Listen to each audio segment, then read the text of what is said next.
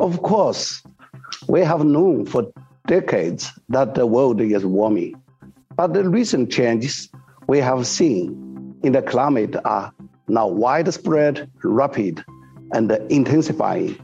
Some changes will continue for centuries and or even thousands of years, like sea level rise, uh, melting of glaciers, and shrinking of Arctic uh, sea ice and snow cover.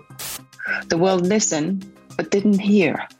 The world listened, but it didn't act strongly enough. And as a result, climate change is a problem that is here now.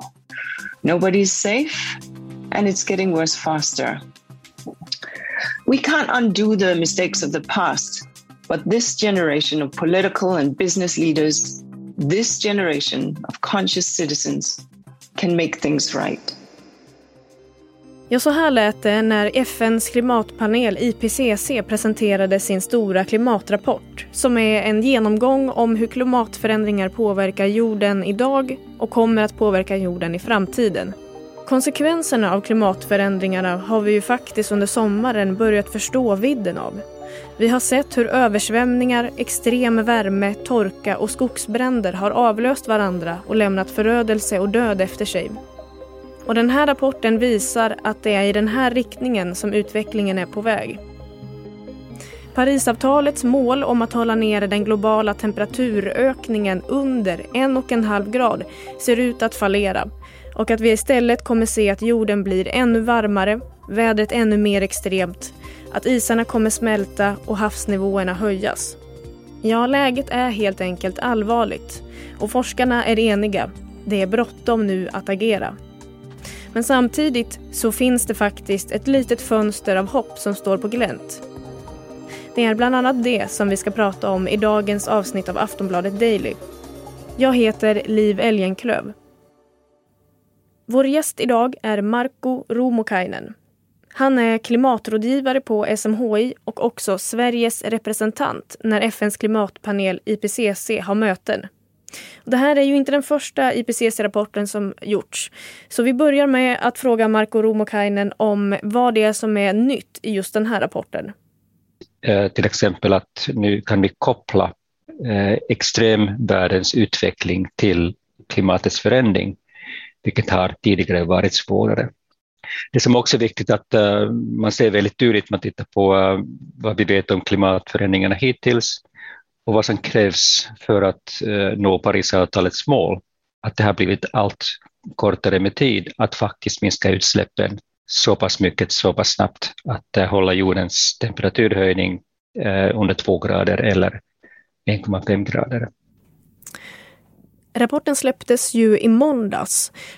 Vilka reaktioner har ni sett sedan dess?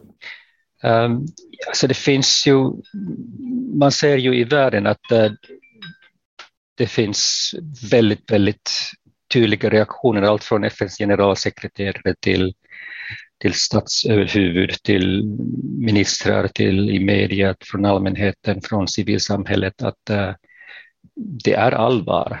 Uh, nu är kanske sista chansen att vi fortfarande kan jobba mot 1,5 gradersmålet. Skulle vi vänta till nästa rapport om sju, åtta år, då ligger vi alldeles intill 1,5 grader om, om världen inte har börjat göra ännu mer. Alltså, jag kan inte låta bli att tänka på den här grodan i Al Gores film En obekväm sanning, du vet. Mm. Alltså den här liknelsen med grodan som hoppar ner i en kastrull med kokande vatten, blir rädd och hoppar genast ut. Men om grodan istället hamnar i en kastrull med ljummet vatten som sakta värms upp så kommer den att stanna där tills eh, den kokar till döds.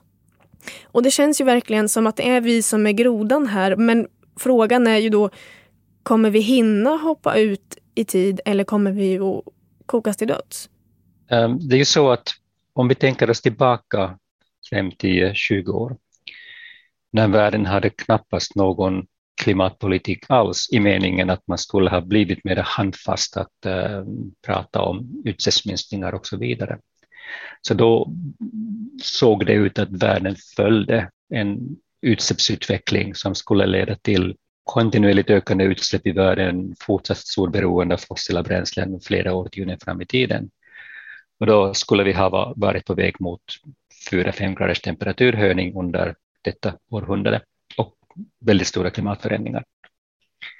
När man ser vad som finns i de nationella klimatplanerna idag så um, de tyder på att vi är på väg mot någonstans 2,5-3 graders globala temperaturhöjning, vilket är givetvis mycket under de tidigare möjliga 4-5 graderna. Det är fortfarande ganska långt kvar till 1,52 grader, men eh, vi har ju redan liksom rört oss från väldigt stora till, till medelstora, med stora konsekvenser, och det är ju positivt.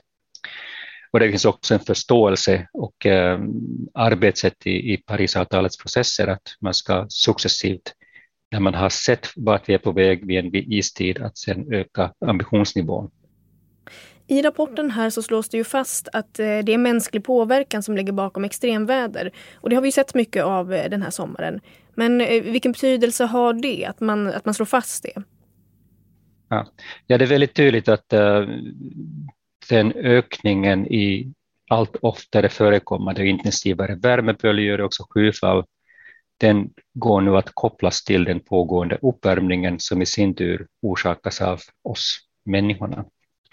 Och det är ju viktig information med tanke på att när man sen ser hur klimatuppvärmningen fortsätter beroende på hur utsläppen utvecklas, så det ger ju också bättre möjligheten att, äh, att äh, förbereda världen till, till hur mycket värmeböljorna ökar, hur mycket skyfallen ökar, var någonstans och när kan vi förvänta oss vad.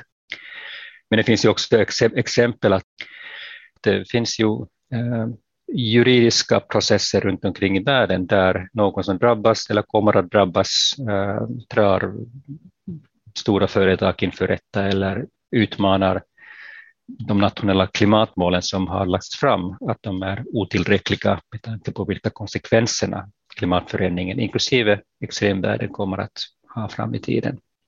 Och det här finns ju givetvis ett ytterligare förstärkning av underlaget att basera den typens processer på. Men är det verkligen nog då? Behöver vi inte göra drastiska politiska beslut? Vi har ju nu under coronapandemin, vi har ju sett att eh, det är faktiskt möjligt att göra drastiska, väldigt drastiska politiska beslut. Alltså många av de, det som liksom är liksom drastiska beslut, liksom att de är drastiska i meningen att de, de ändrar kursen från vart vi har varit på väg. Eh, de ändrar liksom kursen från ohållbart till hållbart. De ändrar kursen från fossila bränslen till effektivare energi och materialanvändning, eh, förnybar energi, mera kretsloppstänkande om man, om, om man tänker så. Men de är inte drastiska i meningen att livet skulle bli sämre i världen. Eh, vi skulle transportera oss från punkt A till B på ett annat sätt än, än, än hittills. Eh, vi skulle ha kanske lite annan vikt i olika matvaror i, eh, i, eh, i kassen när vi har handlat. Eh, vi kanske lever mer på upplevelser än, än, än prylar. Ny teknik kommer in i bilden, ersätter gammal teknik, allt blir effektivare, saker går att laga istället för att de kastas och köps nytt. Liksom, det finns mycket där som ändå är drastiskt bara i meningen att det är på ett annat sätt än tidigare, men vi kan fortfarande, vi kommer fortfarande leva ett gott och faktiskt bättre liv än hittills med tanke på att det blir mer hållbart, det blir renare runt omkring oss. Ehm, så att det behöver inte vara dramatiskt för sig. Men det som du pratar om här, det känns ju som visst drastiska beslut men ändå i en slags långsiktigt perspektiv. Jag tänker, behöver vi inte göra drastiska beslut mer här och nu? Nej, men alltså det, alltså det är ju bråttom, men de förändringarna, alltså samhällets klimatomställning, alltså det är ju svårt att säga att det skulle kunna gå att göra över natten, utan det är någonting som måste göras långsiktigt. Men att, men att det ska kunna gå att göra långsiktigt kräver att vi börjar där man inte har börjat än, att vi ökar takten, att vi vi fastställer liksom riktningen. Om vi tar liksom ett exempel. Nu liksom bilarna på de svenska vägarna är i huvudsak bilar som går på bensin och diesel. En massa familjer har en bil, de har investerat i bilen som kommer att gå om ingenting annat händer i 5-10 år till. Då. Sen om man skulle säga över natten att okej, okay, imorgon så ska vi bomma igen alla, alla mackar. Man kan inte sälja eller köpa bensin och diesel, vad händer då? Eller ska man säga att ja, men okej, okay, om, om tio år så um, ska det inte säljas några bensin och dieselbilar i Sverige. Då körs bilar på något annat sätt. Om, om 15 år så slutar man sälja bensin och diesel i Sverige. Så att de bilarna som fanns vid 2030 går liksom att köra några år till så att alla som av någon anledning behöver ha en bil, en transportmedel av det slaget, kan liksom fasa in sig i den förändringen. Det är liksom två helt olika sätt att, att ställa om, så att det måste på något sätt liksom ske med viss förvarning så att det också finns en acceptans eh, för, för lösningarna. Och på samma sätt att varje lösning, man måste liksom vara medveten om hur den, hur den påverkar på olika håll i samhället. Landsbygd, staden, olika grupper, liksom sådär. Och om en lösning som i det stora hela är bra ur klimatomställningssynvinkeln så måste man också säga att ingen liksom får det sämre eller mycket sämre av, av den anledningen, just för att lösningen är acceptabel i samhället går att genomföra. Så alltså förstå mig rätt, alltså ju snabbare det går desto bättre, men vissa saker liksom måste rimligen göras liksom i en viss ordning. Eh, man ska liksom vara förutseende eh, så att lösningen kan liksom bli så smidig och bra som möjligt. Och i världen, på många håll i världen, det är ju verkligen bråttom därför att man, man lever mitt i klimatförändringens utmaningar på ett annat sätt än, än eh, här i Nordeuropa till exempel. Men vilken vilja finns det egentligen hos makthavare, näringsliv och politiker? Kan, kan vi lita på att de tar den här frågan på allvar?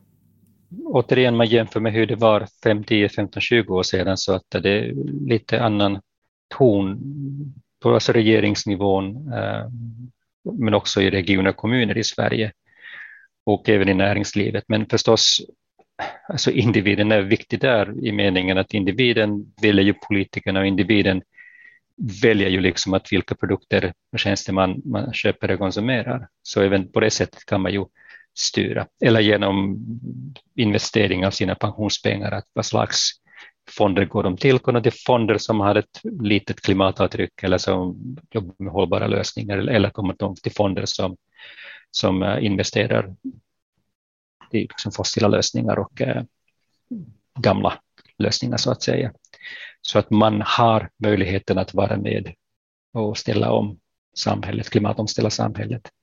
Men visst, individen kan inte lösa det ensam, absolut inte. Det är ett samspel, samhället, individen. Men vad tror du då? Kommer vi, kommer vi att klara det? Ja, det får vi se. Vi har inte facit idag. Alltså vi, vi, alltså forskningen, forskningen informerade oss att det är möjligt att ställa om världen eh, på ett sätt som både bidrar till en bra världsutveckling och eh, att vi kan nå de klimatmålen som begränsar klimatförändringen och därmed också klimateffekterna. När man ser på vad som händer just nu i världen så eh, det händer ju saker, men det händer inte tillräckligt mycket eller tillräckligt snabbt att vi skulle kunna säga eller veta att vi har säkerställt den här klimatomställningen. Och, och var vi landar, det vet vi inte än, men vi kan påverka det. Men som du säger, möjligheten till en klimatomställning finns. Men, eh, men vad känner du då? Är du, är du liksom hoppfull inför att vi kommer att klara det eller är det snarare så att du eh, börjar se undergången komma smygandes i ögonvrån? Jag har um, svårt liksom att tänka i de termerna att jag ser att möjligheten finns. Jag ser att vi har börjat ta till oss den möjligheten. Men att som sagt, det går inte tillräckligt snabbt än. Det beror liksom helt och hållet på vad som händer härnäst. Eh, och eh, lika mycket som ingen annan så har inte jag heller facit på det. Utan det gäller att var och en av oss tar ställning till var vi vill hamna och eh, sen jobba utifrån det. Där hörde ni Marko Rumokainen som är Sveriges representant när FNs klimatpanel IPCC har möten. Även klimatrådgivare på SMHI. Jag heter Liv Elgenklöv och du har lyssnat på Aftonbladet Daily. Du har lyssnat på en podcast från Aftonbladet. Ansvarig utgivare är Lena K Samuelsson.